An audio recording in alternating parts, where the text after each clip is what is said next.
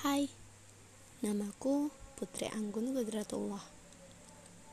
Kali ini aku ingin bercerita kembali tentang sepenggal kisah hidupku yang pernah aku alami.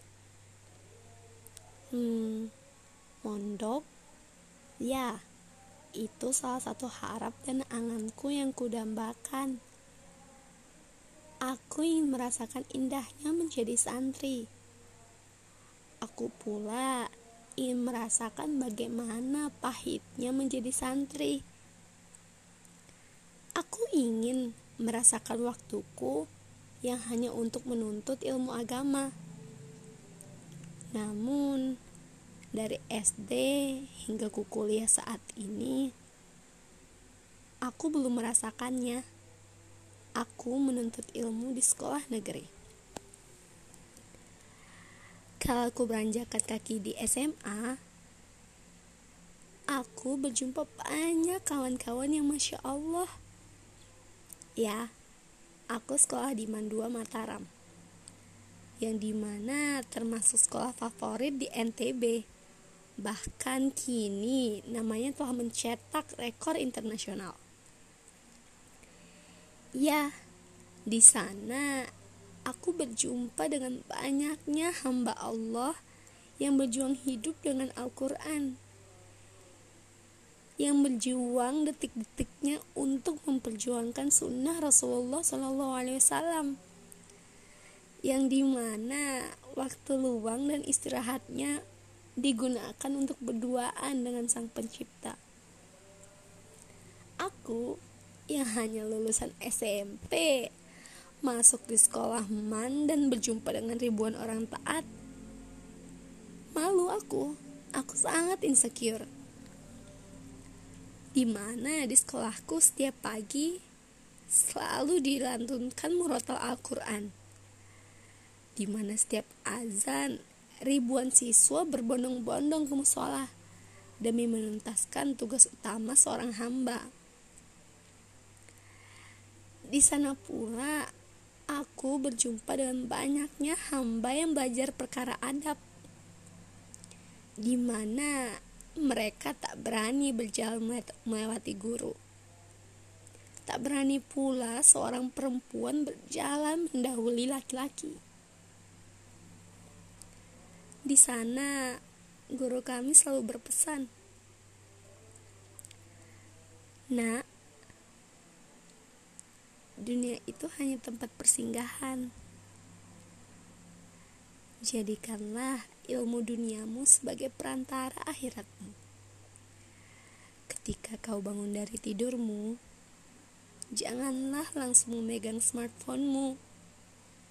Bangunlah, ambillah air wudukmu, menghadaplah kepada Sang Pencipta.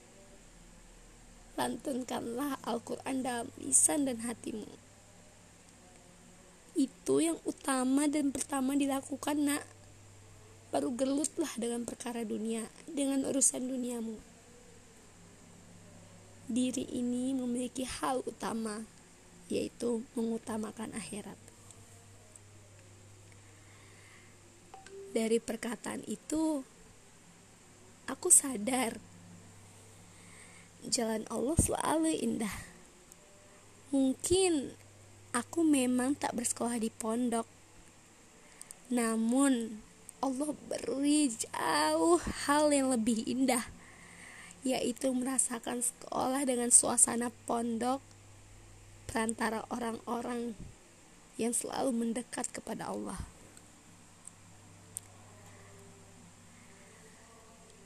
Tahun 2018 bulan Desember ada salah seseorang kawanku dan kakak kelasku mengajak aku untuk mengikuti daurah Al-Quran. Aku ragu, sungguh ragu untuk hal itu. Mengapa? Ya, aku yang tidak pernah dikasih izin untuk nginap, tidak pernah dikasih izin untuk keluar daerah sendiri tanpa mahram, yang apa-apa ya harus sama mahram, harus sama keluarga ya aku ragu. Bagaimana bisa aku diizinkan? Apalagi daurah Qurannya itu ada di Bogor. Ya jauh, aku di Lombok dan tempatnya itu di Bogor, Jawa Barat. Di madrasahku selalu diajar anak-anak tolong jangan ragu atas doa jangan ragu atas kuasa Allah jangan ragu pula atas segala keputusan yang Allah sudah takdirkan buat dirimu Seluruhnya ada titik indah yang terselip yang akan diketahui antara kini ataupun nanti. Akhirnya aku kembali memohon kepa kepada Sang Pencipta. Ya Allah, bumi semakin mendekat ajang akhir. Dan diri ini masih belum menyelesaikan harap anganku untuk menyelesaikan hafalanku. Sekiranya ini jalan terbaik, hambamu memohon ya Rob. Aku ingin, aku ingin hidup bersama kembali dengan orang tuaku. Aku ingin hidup bersama orang tuaku di jannahmu ya Rob. Aku ingin memberikan kado terindah buat keduanya. Aku ingin memasangkan mahkota dan jubah terindah buat keduanya ya Rob. Aku ingin menjadi anak yang mampu membahagiakan kedua orang tuaku di akhirat. Ya Rob, atas kuasamu perantara mereka aku mampu merasakan hidup di dunia aku mampu merasakan manisnya iman indahnya tauhid dan indahnya menjadi seorang hamba ya Rob izinkanlah aku. Izinkanlah aku menyelesaikan hafalanku dan menjadikan orang tuaku sebagai ratu dan raja kelak di akhiratmu ya Rob. Amin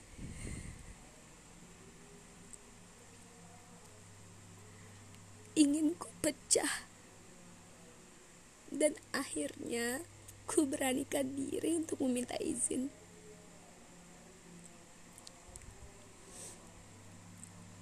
Pa, Ma, aku emang takut memondok.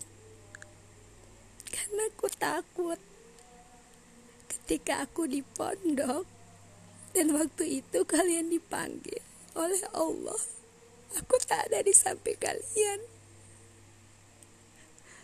Aku tak mau ketika kalian pergi, aku tak melihatnya.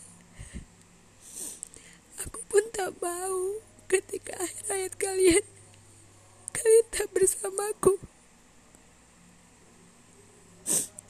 tapi pak ma aku sekarang lebih takut lebih takut apabila diri ini wafat dan aku belum tuntas menyelesaikan hafalan dan amalan Quranku. Aku takut takut tidak berjumpa kalian di akhirat. Aku takut tidak berjumpa dengan kalian di jannah, ya Allah. Aku takut tidak bisa hidup bersama kalian di tempat yang sesungguhnya. Di tempat kehidupan yang kekal di jannah ya Allah. Papa, Ma, izinkan aku dan ridhoilah aku untuk menyelesaikan hafalan aku untuk mampu hidup bersama Al-Quran hingga akhir hayat. Atas sebab Allah, aku menyayangi kalian. Atas sebab kalian yang selalu mengajarkan arti tauhid dan iman, aku jadi semakin ingin mendekat kepada Allah.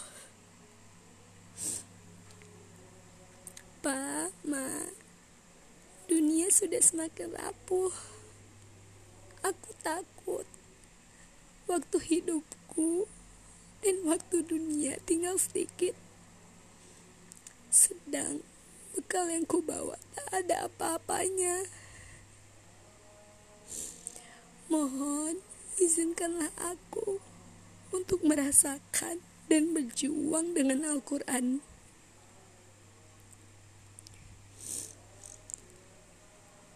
Peluk papa dan mamaku erat. Aku tak mampu menahan pecah tangisku. Aku sungguh menyayangi mereka. Ya, kedua orang tuaku. Ma, Pak, maafkan atas segala khilaf anakmu ini. Dan mohon ridho untuk kemudahan segala jalani hidupku. Hidup untuk bersama di jannah Allah. Dan atas ridho Allah, atas kemudahan Allah, Allah luluhkan kedua hati orang tuaku. Aku diizinkan untuk daurah Al-Quran. Ya, aku berhasil. Aku berhasil. Aku sangat senang. Akhirnya aku merasakan pergi bersama teman-teman keluar daerah menggunakan pesawat. Hmm, walaupun aku sering sama keluarga, tapi ini pertama kaliku aku naik pesawat bersama teman-teman.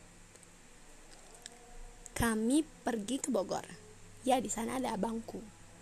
Sampai aku di sana, aku dijemput abangku. Keesokan harinya, kami diantar oleh abangku ke pondok. Pondoknya terletak di puncak Bogor. Hmm, aku sangat senang. Pertama kali nyampe sana, lihat ribuan orang yang memegang Quran. Terdapat kenikmatan di dalam hati. Aku sangat sehat. Namun, setelah pembukaan, tiba-tiba jam makan siang. Aku makan, aku lupa kalau aku tak bisa makan pedas. Makanlah aku, dan kebetulan menunya itu cukup pedas bagi diriku. Gak selama berapa lama, perutku terasa sakit, nyeri. Memang aku ketika sakit sangat lemah sangat manja. Itu hari pertama aku di pondok. Dan hari itu aku sakit. Sakit perut. Pada malam itu juga aku tak dapat tidur di kamar. Aku tidur di UKS. Malam itu aku berpikir, aku nggak mau, aku nggak mau mondok, aku mau pulang mau dipeluk mama dan papa. Aku nangis nangis nangisnya. Ya Allah kalau gini aku nggak mau mondok. Aku maunya sama mama papa aja begitulah pikirku saat itu. Sampai keesokan harinya perutku sudah lumayan membaik tapi lagi-lagi makanannya pedas. Dan aku bilang ke Saza? Sada saya nggak bisa makan pedas. Boleh nggak menunya diganti? Akhirnya diganti dan alhamdulillah untuk pedas dipisah hari itu aku ketinggalan sekitar 6 halakoh. 6 halakoh pertemuan hafalan. Aku tak ikut. Dan teman-teman udah hampir selesai satu jus dua jus aku belum sama sekali. Belum sama sekali menyetor. Belum sama sekali menghafal. Ku coba dan ku beranikan diri masuk ke holakoh pas pertemuan holakoh ketujuh aku masuk. Aku mencoba menghafal. Aku udah baca udah berwudu berbaca ta'awud. Tapi aku tak bisa. Sedikit pun tak ada yang masuk ke otakku. Apalagi hatiku. Tak ada ayat sedikit pun yang mampu masuk di hafalanku hal aku berlanjut berganti dan aku belum mengumpulkan sama sekali Ustazah terus memanggil namaku adik Putri Anggun, mengapa belum menyetor? Terus namaku dipanggil, aku sedih, sangat sedih. Kenapa? Kenapa aku tak mampu menghafalkannya? Mengapa satu ayat pun tak dapat masuk di kotaku? Apa salahku ya Rob? Aku menangis. Aku sedih. Aku udah ke sini sakit eh tahu taunya nggak bisa ngafal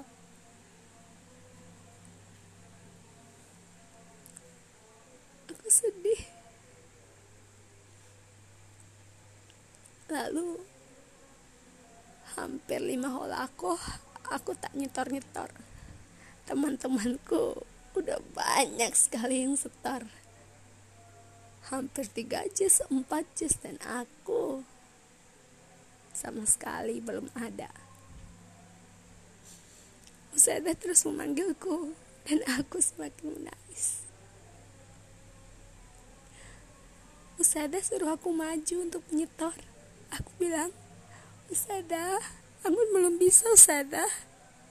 Belum ada yang masuk sama sekali di otak Anggun Usada. Anggun berkata seperti itu. Usada bilang, nggak apa-apa sayang, maju aja. Tapi Ustazah dari tadi aku nggak apa sama sekali nggak ada yang masuk Ustazah. Sama sekali. Hanya Bismillah yang aku tahu. Ustazah terus menyuruhku maju ke depan dan akhirnya aku maju. Maju ke depan. Dipegangnya tanganku oleh Ustazah Ustazah bilang Bismillah. Coba nak. Hafalkan. Setorkan hafalanmu. Aku bilang Ustazah Dari tadi Ambon ngafal Tapi gak ada yang masuk ke otak Ustazah Lalu Ustazah bilang Cobalah Istighfar dan kemudian bacalah Bismillah Ku coba Baca istighfar Kemudian basmalah Dan tahu Masya Allah, tabarakallah. Aku gak tahu kenapa. Tanpa salah sedikit pun, tanpa kekeliruan sedikit pun, tanpa kemacetan sedikit pun, hafalan Anggun tiba-tiba lancar. Hafalan Anggun yang dari tadi Anggun coba hafal, tiba-tiba lancar. Di situ Anggun takjub. Anggun gak tahu mengapa Allah sangat baik Mengapa Allah begitu baik memunculkan hal-hal yang tak terduga? Lalu Usada berkata, Nah, ada namanya berkah guru. Ada namanya berkah orang tua. Ada namanya ridho Allah. Ada namanya ridho orang tua. Ada namanya kemudahan Al-Quran. pesan ustazah guru ilmu apa pun guru cari berkahnya tadi ustazah bilang bacalah. Ustazah menyuruhmu membaca membaca ulang apa yang telah kamu hafalkan. Taatilah seluruh perintah gurumu. Jangan menolak selagi itu tak melanggar syariat. Dan kamu membacanya. Ridho gurumu ridho Allah juga. Itulah sebab diberi kemudahan nah saya ingin berpesan Al-Quran tidak akan bisa masuk pada hati yang kotor.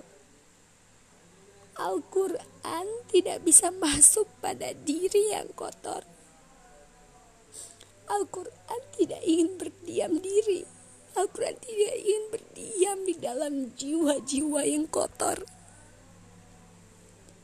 Nah, ketika kamu sulit membaca Al-Quran, ketika kamu sulit menghafal Al-Quran, ketika kamu sulit mengamalkan Al-Quran, periksalah dirimu. Periksalah kadar dosamu Dosa apa yang telah kamu perbuat? Maksiat apa yang sedang kamu perbuat? Atau dalam hatimu sudah tertuju pada dunia? Periksalah dan bertaubatlah kepada Allah.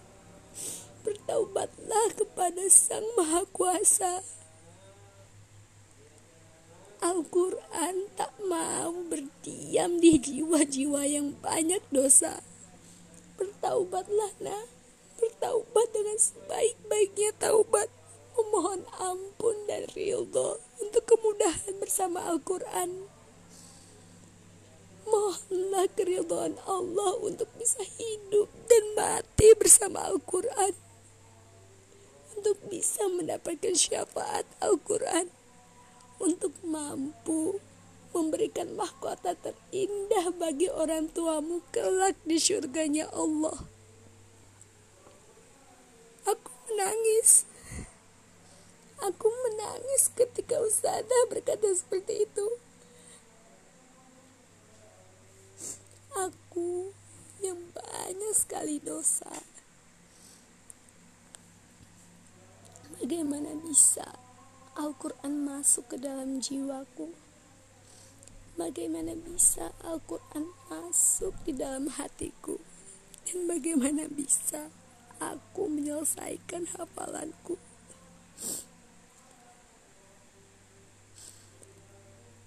Aku sedih.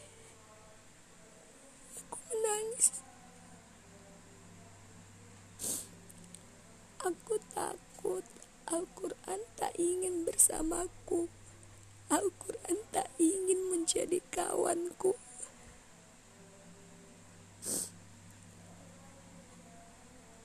Saya terus menyuruhku untuk beristighfar. Istighfar nak, istighfar. Istighfar sebanyak yang kamu bisa.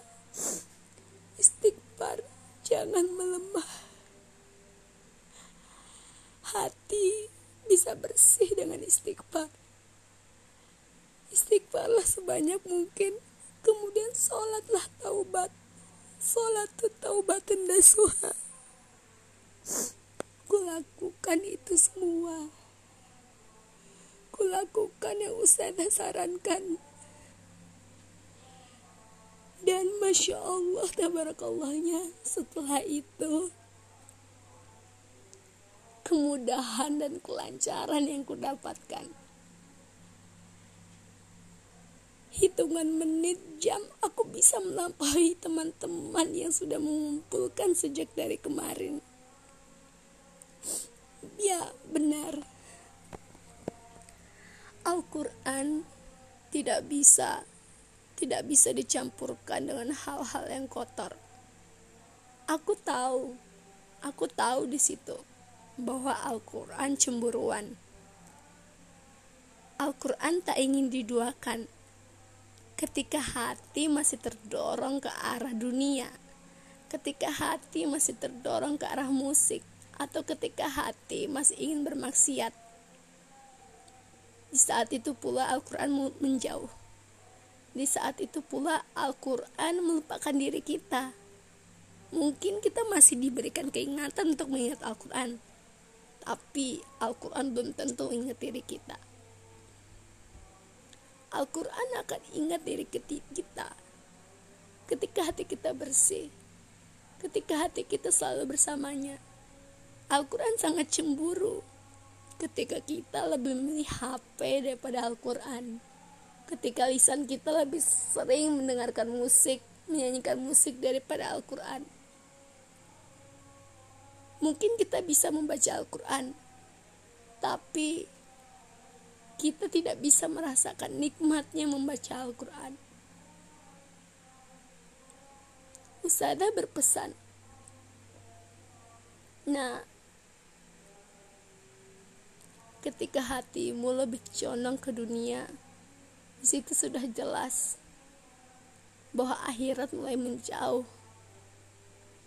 Namun, ketika hatimu menjorok ke akhirat, dunia mengikutimu. Nah, jangan lepaskan akhiratmu untuk urusan dunia.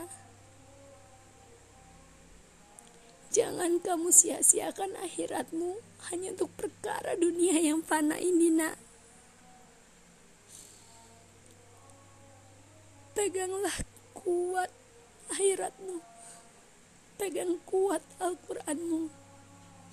Itulah pedoman hidupmu. Di situ seluruh tuntunan hidup ada.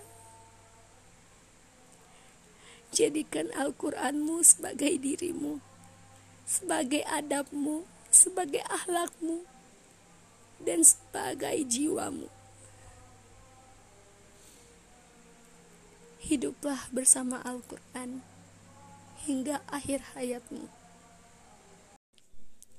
Hai, namaku Putri Anggun Gedratullah.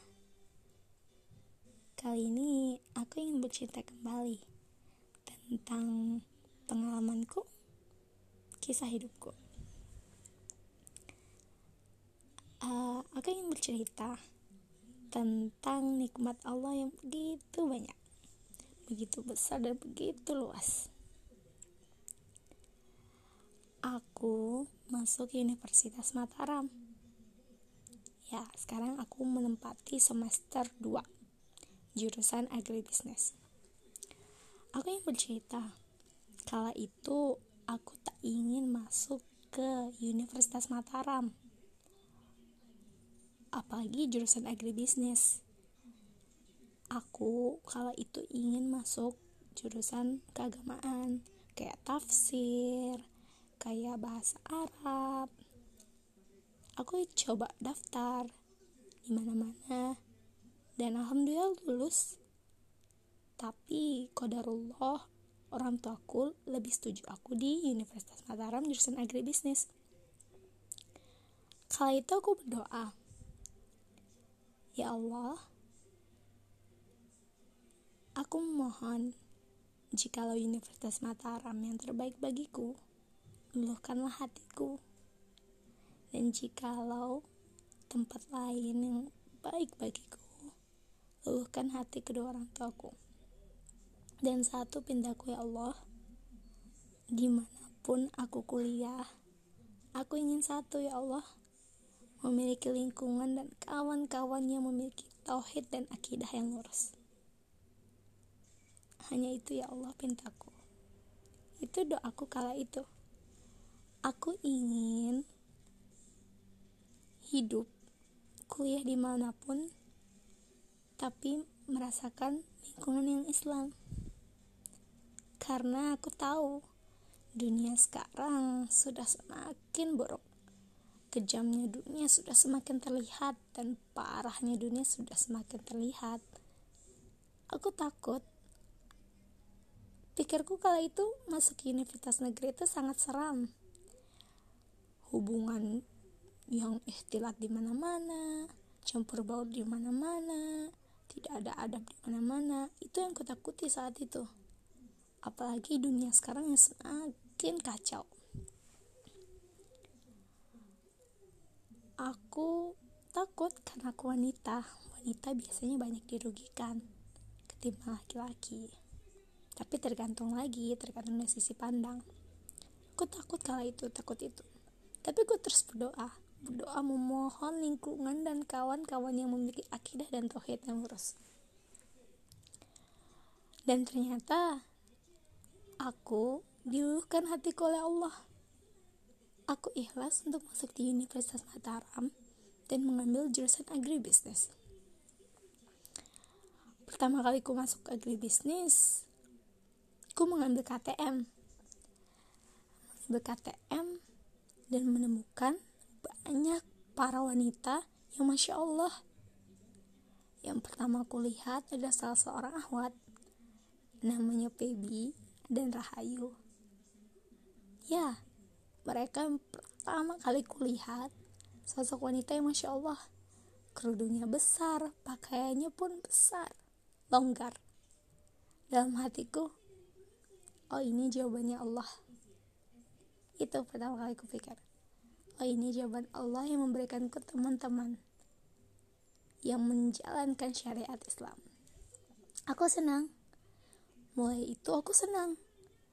Karena ya nggak nggak buruk. Tapi masya Allah. Lalu lama kelamaan kutemukan banyak sekali anak-anak kelas. Ya aku masuk di kelas agribisnis E. Alhamdulillahnya teman-temannya Masya Allah. Semuanya giat dalam menuntut ilmu apalagi ilmu agama. Seluruhnya suka ikut kajian.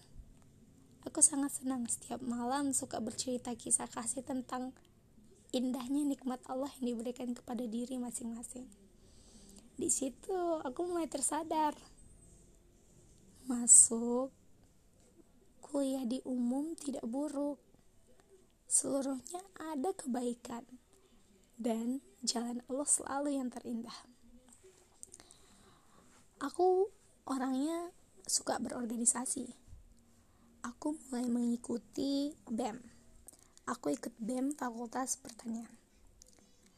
Aku mengikuti itu karena waktu itu aku melihat salah satu kakak BEM yang adabnya Masya Allah. Aku tertarik dengan adab beliau. Oleh karena itu aku berpikir kalau saya masuk ke BEM otomatis bisa berjumpa dengan kakak-kakak seperti itu.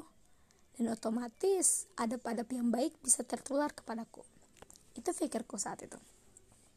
Lalu ku coba beranikan diri untuk mendaftar BEM dan alhamdulillah lulus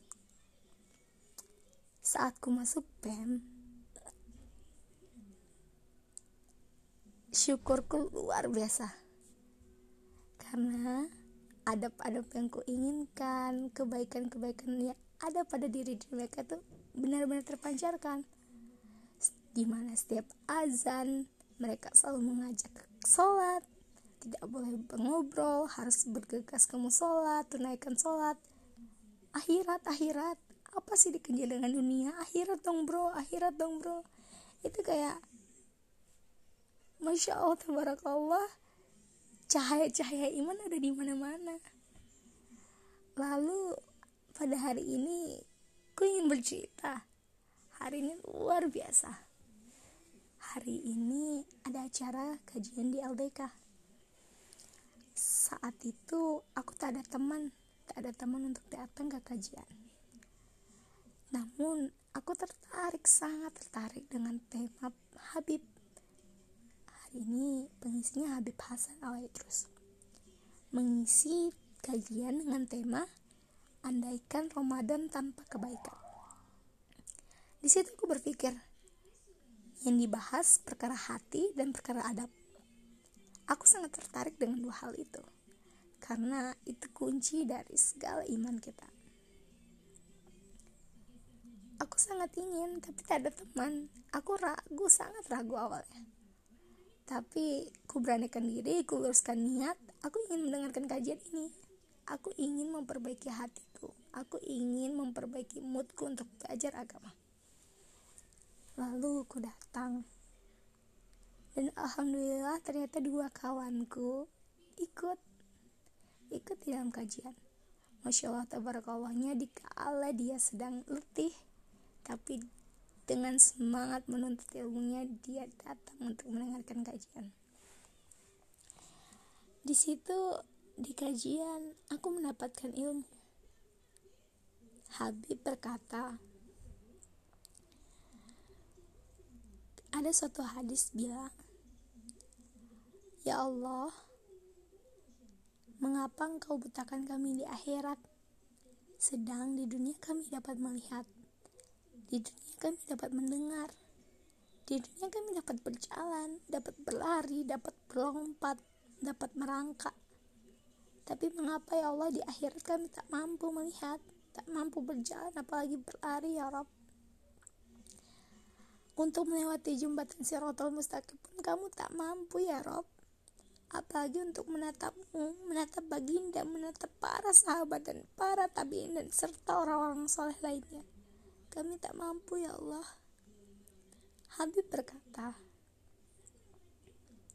Bagaimana bisa melihat kebaikan di akhirat ketika mata, kaki, tangan, seluruh badan kita kita gunakan di, atas maksiat kita gunakan di jalan atas yang Allah tidak ridho andaikan mata kita gunakan untuk ketaatan telinga kita digunakan untuk ketaatan seluruh anggota badan kita gunakan dengan kata ketaatan termasuk hati.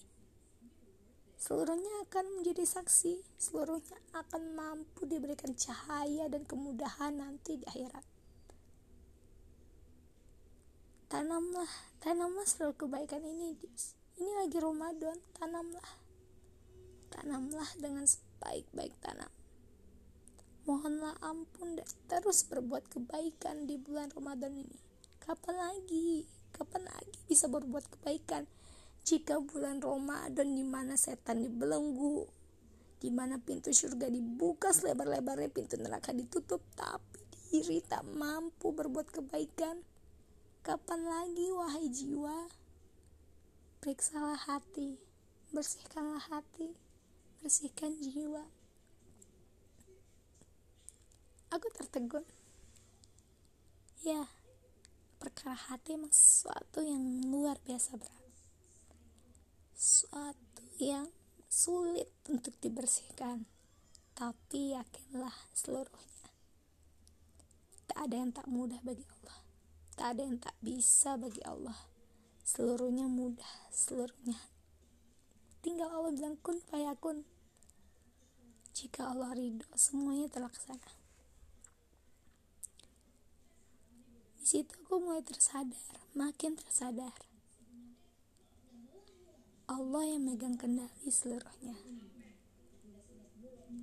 Setelah kajian, aku ikut gabung makan-makan dengan para anggota-anggota LDK, para ahwat, wanita-wanita solehah. Di sana teman-temanku udah pada pulang. Aku sendiri. Aku makan. Aku diam. Karena aku tak mengenal siapa pun di sana. Tiba-tiba ada salah seorang ahwat dengan adab dan sopan sebagai penerus sunnah Rasulullah menyapa oh anti namanya siapa? Aku menjawab anak Anggun. Nama lengkapnya siapa? Oh aku jawab nama lengkapku Putri Anggun Kudratullah. Nah seketika tiba-tiba ada nyahut kamu Anggun? Kita salah loh banyak yang nyahut kamu anggun? Kita dulu teman Ici loh tiba-tiba di saat ternyata masya Allah tabarakallah banyak-banyak akhwat yang emang sebenarnya kita kontakkan tapi karena kodarullah masih online belum pernah ketemu jadi ternyata saling mengenal tapi belum mengenal di situ aku ngerasa uhwah uhwah Islamiyah yang Rasulullah ajarkan tertanam, tertanam di diri diri mereka. Mereka dengan sopannya menyapa, dengan sopannya memberi senyum, dengan sopannya memberi kebaikan, menawarkan makan, mengajarkan segala akhlak yang baik ada di diri diri mereka. Di situ Anggun tersadar. Anggun sekolah di sekolah negeri universitas negeri tidaklah buruk. Di mana pun anggun, Allah selalu ada di mana-mana. Cahaya iman selalu ada di mana-mana. perantara kawan-kawan salihah, perantara ustadzah-ustadzah yang selalu mengingatkan, perantara lingkungan-lingkungan yang selalu berada dalam ketaatan. Ya, tidak mesti sekolah di negeri, tidak mesti sekolah di negeri, sekolah Islam untuk mendapatkan seluruh itu. Mau di tempat sekotor apa pun, cahaya iman selalu ada di setiap diri diri manusia yang taat mau sekolah negeri sekalipun bukan menjamin kita akan buruk.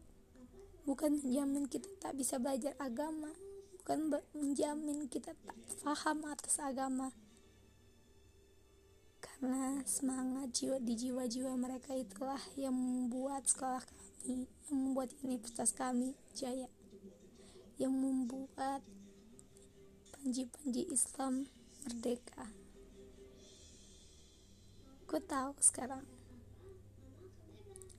di mana pun asalkan hati tetap terpaut kepada Allah ataskan hat, atas hati tetap niat seluruhnya karena Allah kita akan mendapatkannya mendapatkan apa yang sesuai diniatkannya. Ketika ku berniat mendapatkan adab ku dapatkan itu. Ketika ku berniat dapat perkara hati ku dapatkan itu. Ketika ku niat mendapatkan ukhuwah Islamnya ku dapatkan itu seluruhnya tergantung niat. Jadi pesanku jangan bersedih atas apa yang Allah takdirkan. Seluruhnya ada jalan indah. Mungkin untuk waktu kini kita belum merasakannya. Tapi di waktu mendatang dan di akhirat kelak bisa kita raihnya. So, tetap percaya dengan takdir Allah ya. Tetap meminta kebaikan akhirat pada Allah. Tetap meminta perkara tauhid dan akidah yang lurus. Kawan-kawan solihah dan lingkungan yang taat pada Allah. Yang jalan sesuai syariat dan bisa hidup di surga bersama-sama selamanya. Untuk seluruh kawan-kawanku, mungkin tak tersebut di sini tapi terima kasih. Terima kasih sudah menjadi bagian dari cahaya-cahaya iman dalam hidupku. Terima kasih banyak